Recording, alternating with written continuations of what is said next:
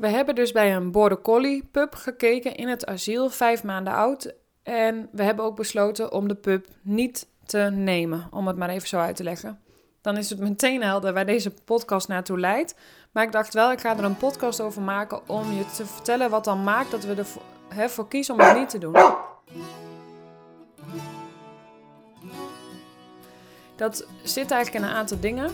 Het is um, letterlijk in mijn schoot geworpen, even zo gezegd, dat er border collie pups waren. Zoals ik ook in een andere podcast al uitleg, heb, uit, heb uitgelegd van, hè, we zagen een... Uh, ik was op zoek naar border collie pups, gewoon eens oriënteren, hè, kijken naar goede fokkers. En toen zag ik dit voorbij komen. En die pups die zaten er ook net. En toen dacht ik, ja, weet je, ik, als je de andere podcast hebt geluisterd, zo niet, en je wilt meer context, hè, luister naar die podcast. Maar um, we hoeven niet per se een super goed gefokte pup. Dat betekent niet dat we voor een broodfok of slecht gefokte pup gaan. Uh, daar, daar kies ik zeker niet voor. Maar het mag wel een pup zijn die door omstandigheden niet goed gefokt is. Dus deze hond is in beslag genomen bij, bij een vrouw die uh, ehm, 17 honden in huis had.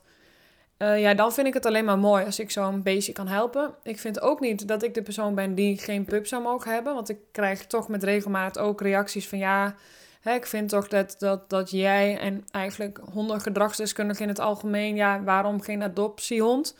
Uh, nou, bij mij staat die open, maar het is wel zo dat hè, een, een adoptiehond zou hier prima kunnen wonen. En het zou het huis zijn, niet alleen bij mij, ook bij andere mensen die met honden werken om zo'n hondje te helpen. Maar ik zeg wel altijd: het is niet mijn probleem dat we zoveel problemen hebben. Ik ben me bewust van waar ik een hond wel of niet vandaan moet halen. Dat dat heel wel overwogen besloten moet worden. En ik ben niet degene die dan vervolgens dat moet oplossen door, uh, door de hele Adopt Don't Shop, uh, hè, dat hele stukje. Ik zou daar een andere podcast over kunnen maken. Anyway, wij hebben dus gekeken naar de Border Collie Pup. Eén keer ben ik alleen geweest. De tweede keer zijn we met iedereen geweest. Dus mijn hele gezin, twee kinderen, mijn man en ook Nimrod er uiteindelijk bij. Om te kijken hoe of wat. Nou, wat je gewoon ziet is een pup die niks kent en ook angstig is. En je ziet gewoon een hond die in de angstfase zit. Een hond zit in de angstfase vanaf 12 weken tot een half jaar en later nog een keer. Dus ja, het is ook heel lastig om daarin te observeren wie ben je nou echt. Tegelijkertijd is mijn grootste kracht om meteen de onderlaag aan te raken. Om te kijken, hè, wie ben je dan echt en wat is dan je potentie?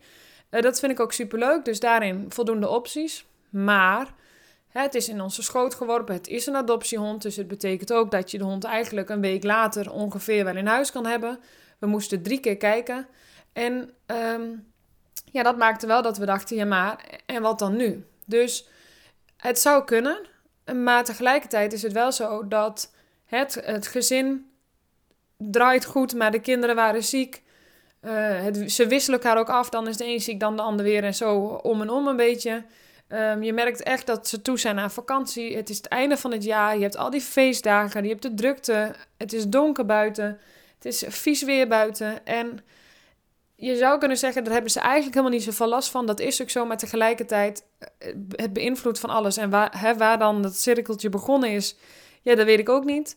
Um, hè, ze, het vraagt op dit moment, ze zijn echt op zoek naar de connectie en de verbinding met ons als ouders en dat soort dingetjes. En dat vraagt van ons ook gewoon veel energie. Ja, ga je daar dan een pub in zetten? Nou, dan zou je kunnen zeggen, ja, dat wist je toch voordat je ging kijken. Ja, dat wisten we ook. Maar tegelijkertijd geloof ik ook heel erg in daar onbevangen ingaan. En, en letterlijk kijken en oriënteren. Wat kunnen wij deze pub bieden? En wat kan de pub ons bieden? En komt dat overeen? En hij had ertussen gepast, maar ik zeg ook wel eens, als dat eind februari was geweest of eind januari, dan was dat een heel ander verhaal geweest. Gewoon gezien de gekte, de drukte.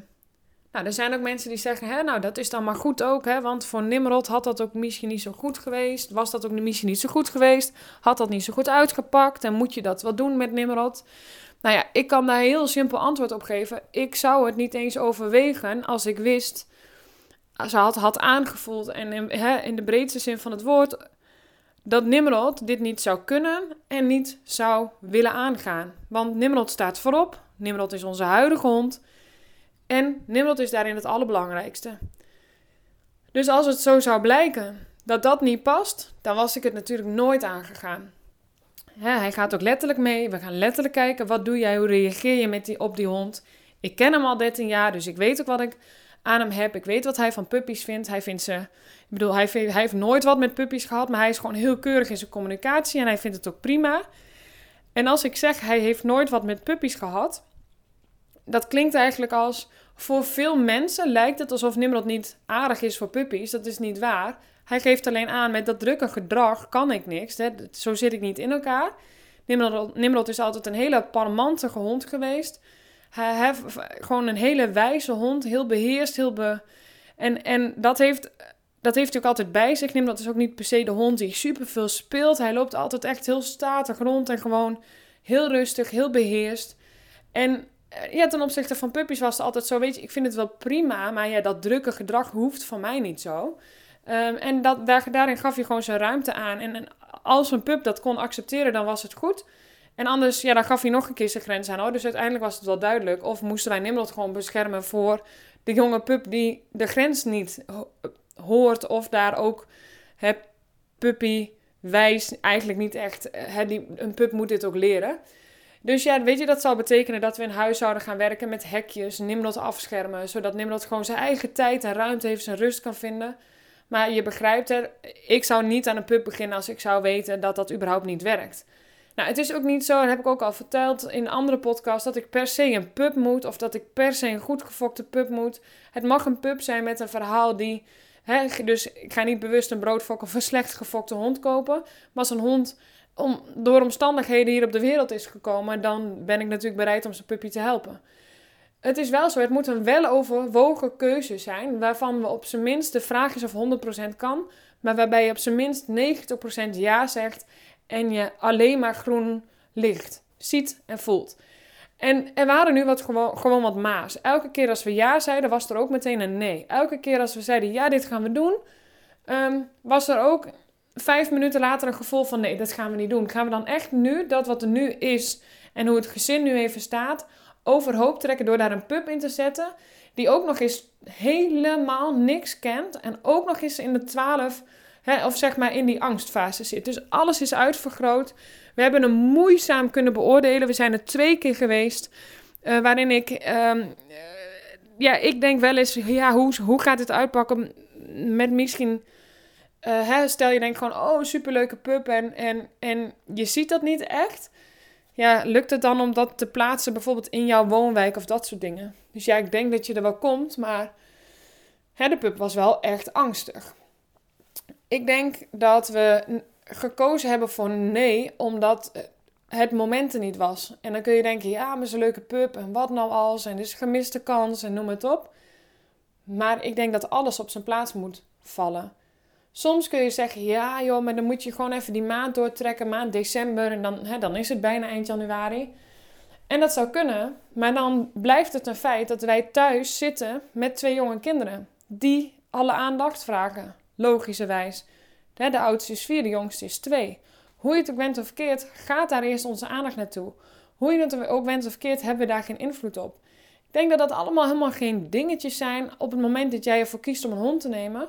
Maar voor mij is hij wel zo wel overwogen, ook even in het kader van mijn eigen energiemanagement, dat als je daar dan voor gaat, dat je inderdaad die groene lichten wel op zoveel percentage moet hebben zitten, dat iedereen zegt, let's go, we gaan hiervoor. Hè? En dan zul je dagen hebben dat je denkt, wow, dit is pittig, of wow, dit heb ik onderschat. Ik geloof ook helemaal niet dat je alles kan overzien.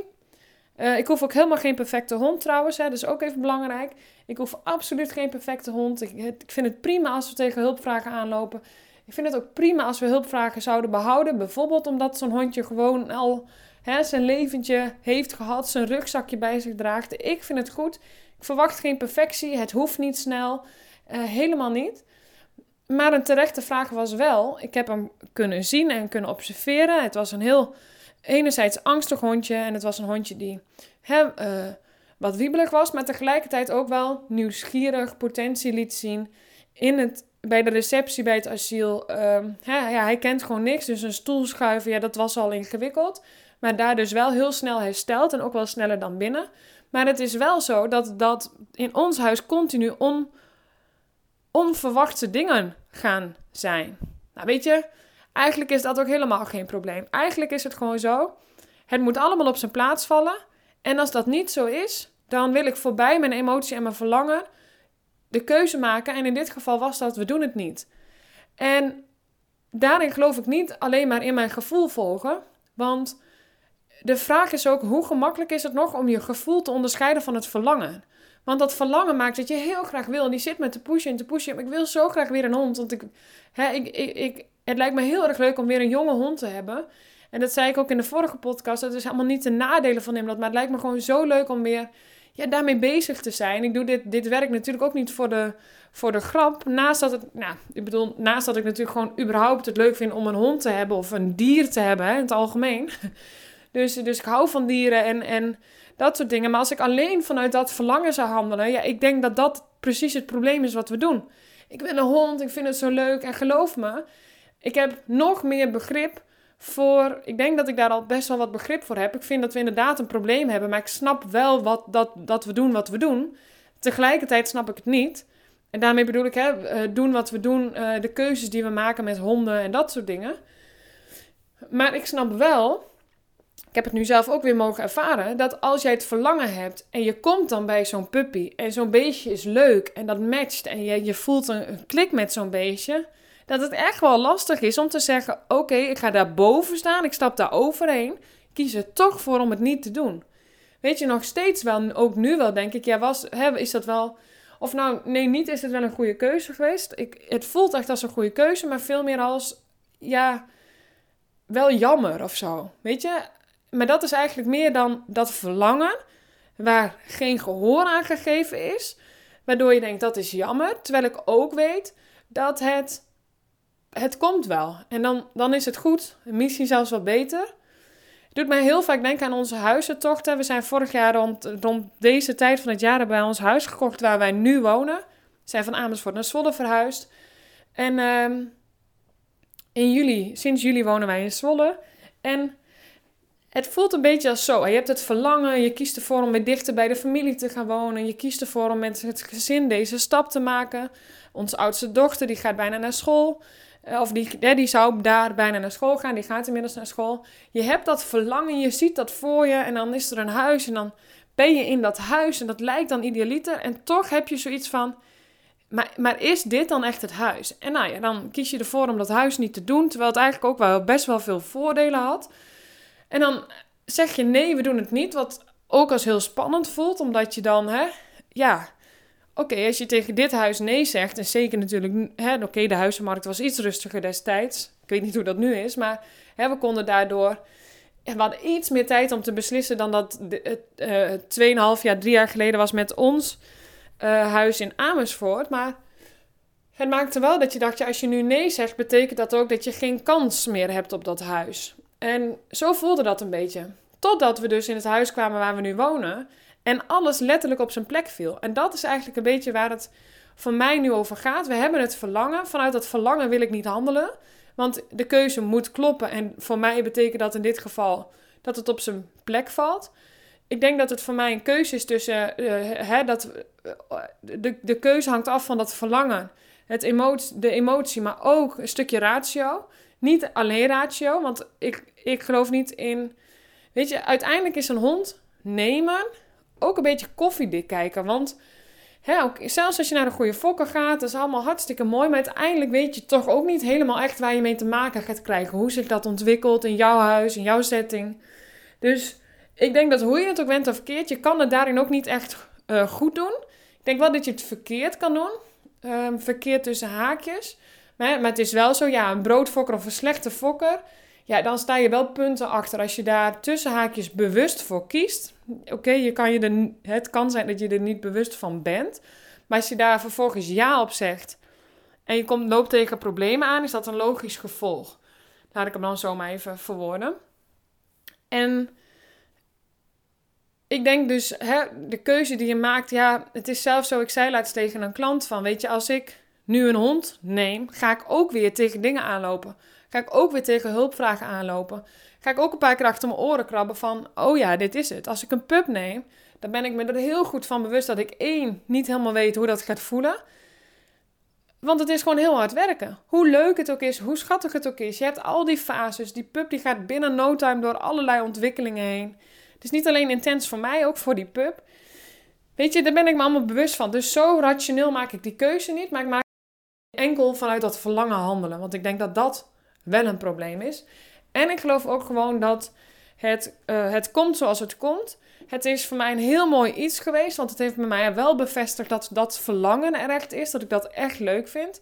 Dat ik daardoor ook eigenlijk ben gaan zien hoe zo'n hond, pup, jongere hond, maakt me niet uit, in zo'n gezin past. Um, hoe, ja, gewoon hoe leuk ik dat weer vind. Ook wel hoe gek en spannend ik het vind. Hè. Je hebt toch 13 jaar je eigen hond en dan kies je er toch voor om tussen haakjes een nieuwe te nemen. Dus niet te vervangen, maar hè, je plaatst toch iets nieuws in huis waarvan je... Hè, ik weet aan niemand wat ik eraan heb en wat ik er niet aan heb. En ja, geen idee met een nieuwe hond. Je kunt wel ras X of Y nemen, maar ja, en dan? Wie is dan die individu die, die in jouw huis rond, rond aan het wandelen is?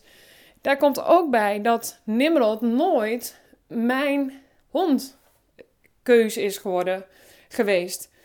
En daarmee bedoel ik eigenlijk te zeggen, ik was 17 toen Nimrod bij ons kwam. Ik ben opgegroeid vanaf mijn derde met een Tefurische herder, die heette Wambo. En in het gezin was dat een Tefurische herder dus, die is 13,5 geworden. Toen hebben we hem laten inslapen, want hij had waarschijnlijk een, een TIA of iets gehad, een hersenbloeding. Kon niet meer opkomen, opstaan. Hij was echt heel slecht aan toe. En dat is eigenlijk van de een op de andere dag gegaan. Naast dat hij natuurlijk gewoon echt heel oud was. En toen wilden wij als kinderen, ik kom uit een gezin van, nou ja, vier kinderen de en twee ouders dan. Maar mijn ouders waren wel gescheiden. Destijds was de Tevurensherder ook echt de keuze van mijn vader. Dat past ook echt bij hem. En wij als kinderen wilden weer een Tevurensherder, maar wij woonden wel bij onze moeder. Dus wij wilden weer net zo'n hond als de vorige. Nou, wij op zoek naar een Tevurese herdennestje. Achteraf gezien zijn we bij een goede fokker terechtgekomen. Daar had ik toen geen kaas van gegeten. En ja, het, het was niet mijn beslissing. Want het, hè, het was mijn moeder die, eh, die uiteindelijk beslist. Dat is wat je als ouder doet. hè, die, die doet de investeringen, die betaalt ervoor. En um, ook hè, uiteindelijk komt het ook op de ouder aan. Hoe je het ook went of verkeerd. Dus oké, okay, de Vurense herder, hond komt bij ons in huis. Ik was wel degene die uh, ontzettend veel deed met de pup. Ik was ook degene die met mijn moeder naar de puppykussens ging en daar de puppykussens volgde en dat soort dingetjes. Maar dat maakt dus wel dat Nimrod nooit echt mijn hond is geweest. Dus de zoektocht naar een nieuwe hond heb ik nooit vanuit mijzelf en nu dus ook nog vanuit mij en mijn gezin een keuze maakt. Dus dat kan ook een hele andere keuze worden. Nimrod was echt mijn hond. We deden alles samen. We konden lezen en schrijven met elkaar. Kunnen lezen en schrijven met elkaar. En toen ik uit huis ging, ik ging trouwen, ik ging naar Amersfoort verhuizen. Toen dacht ik, maar wat moet ik dan met Nimrod? Want ik kan hem hier niet achterlaten. En de match tussen mij en hem was ook heel erg goed. En ook beter eigenlijk dan wat mijn moeder daarin kon geven. Zonder mijn moeder af te branden. Want dat gaat veel meer over gewoon klopt het ras bij wie zij is. En klopt dan de hond die daarbij matcht. Dus dat, dat is helemaal niet goed of fout. Maar gewoon veel meer ja. Achteraf gezien zou ik hier niet voor gekozen hebben. En ik denk ook dat ik daarin eigenlijk ook gekozen heb. Ik was meteen degene die zei: Ik wil die met dat gele bandje en, en dat soort dingen. En ja, dat heeft gemaakt dat Nimrod dus met mij mee is gegaan. En dat was dan dus eigenlijk wel een echte keuze. we hebben ook wel erover gehad van ja, of nemen we gewoon zelf samen een hond. Dus mijn man en ik. we gingen trouwen en dat je dan samen die hond neemt. Alleen ik dacht steeds, ja, maar dat, kan ik helemaal niet. Ik kan het helemaal niet maken. Dat zou voor mij zo raar gevoeld hebben dat het echt voelt als mijn hond. En dan ging ik naar mijn moeder toe. En dan was Nimrod daar en had ik een nieuwe hond. Maar ik heb ook wel eens achter mijn oren gekrapt. Dat ik echt dacht, toen ik hem dus mee had genomen uit huis, van waar ben ik aan begonnen? Nou goed, hè? Kort samengevat betekent dat dat het ook spannend is, omdat wij dus nu samen die keuze gaan maken. En het lijkt me dus ook heerlijk, want Nimrod is ook de hond geweest die altijd gigantisch aan mij heeft gehangen. In, hè, heeft heel veel voordelen, maar ook, heeft ook zeker nadelen gehad. En daar hebben we ook nog wel veel aan kunnen veranderen en in kunnen trainen, waardoor dat veel beter is geworden. Maar omdat het echt mijn hond was, ja, waren wij ook zo hè, verbonden met elkaar. En nu gaat het veel meer een hond worden van ons gezin. Een hond die in het gezin staat, die met de kinderen is, die als de kinderen huilt, dat hij misschien wel naar de kindjes toe loopt. Uh, misschien wel heel erg op onze dochter aanhaakt en daar heel erg mee gaat knuffelen. Of juist op ons zoontje of juist heel erg op Arjan. Dus ja, in die end is het zo dat ik degene zal zijn die daar heel veel mee zal doen. Hè, mijn man zal misschien wel veel wandelen en zulke dingetjes. Maar gedragstechnisch en qua trainingen ben ik degene die daar natuurlijk het meeste mee gaat doen en uithalen. Want dat vind ik ook gewoon heel erg leuk. Maar ja, dat betekent wel dat die hond een hele andere rol gaat vervullen. Waar ik dus ook heel erg naar uitkijk. Dus heel concreet zou je kunnen zeggen: waarom heb je die hond niet gedaan? Want het klinkt ook nog best wel voordelig. Maar dat is dus eigenlijk een. een het, het viel niet op zijn plek. En er was nog te veel ja maar. En dat is niet de basis waarop ik een hond wil nemen. Ik wil niet vanuit het verlangen handelen alleen. En daar komt ook bij, er is geen enkele urgentie. Het, ik hoef niet vanaf nu een hond. Dat wil ik wel. Dan kom je weer bij dat verlangen uit. Maar basis daarvan wil ik niet beslissen. Dus het moet kloppen, het moet op zijn plaats vallen en dan komt het allemaal wel goed. En um, zo ben ik er ook ingestapt, moet ik heel eerlijk zeggen. Want ik geloof heel erg, als je iets wil, dan moet je in beweging komen. En dan, uh, en dan komt het. En dit is de beweging die ik heb gedaan. Dat maakt ook dat ik heel impulsief en random naar fokkers aan het mailen ben. Contact opvraag of informatie opvraag over een hond. Van hé, hey, ik heb die hond gezien, wat houdt dat in? Gewoon om, dat, om die motor aan te slingeren. En dan komt er vanzelf iets wat past. Dus dat is mijn uh, uh, verhaaltje over Noah, de border collie. Die, uh, hè, ik hoef de hond ook niet te redden. Dat is ook niet mijn taak. Om, hè, dat, dat je dan zegt, ja, maar hè, die hond heeft al een moeilijke start gehad. En die moet wel een huisje krijgen. En dat is ook zo. Maar ja, als ik honden wil gaan redden, dan heb ik mijn huis binnen no time vol zitten. Ehm, voor mij dat ook aan het oppervlak. Want ik, ik, ja, hondjes redden, we maken er ook een puinhoop van. Dus ja, dat is weer een andere podcast. Ehm, en weet je, deze hond krijgt zijn plekje wel. Is het niet bij ons, dan is het bij een ander. Dus uh, ik denk dat dat het probleem is. En dan valt alles op zijn plek en dan moet het zijn zoals het moet zijn. Bedankt voor het luisteren en tot de volgende keer.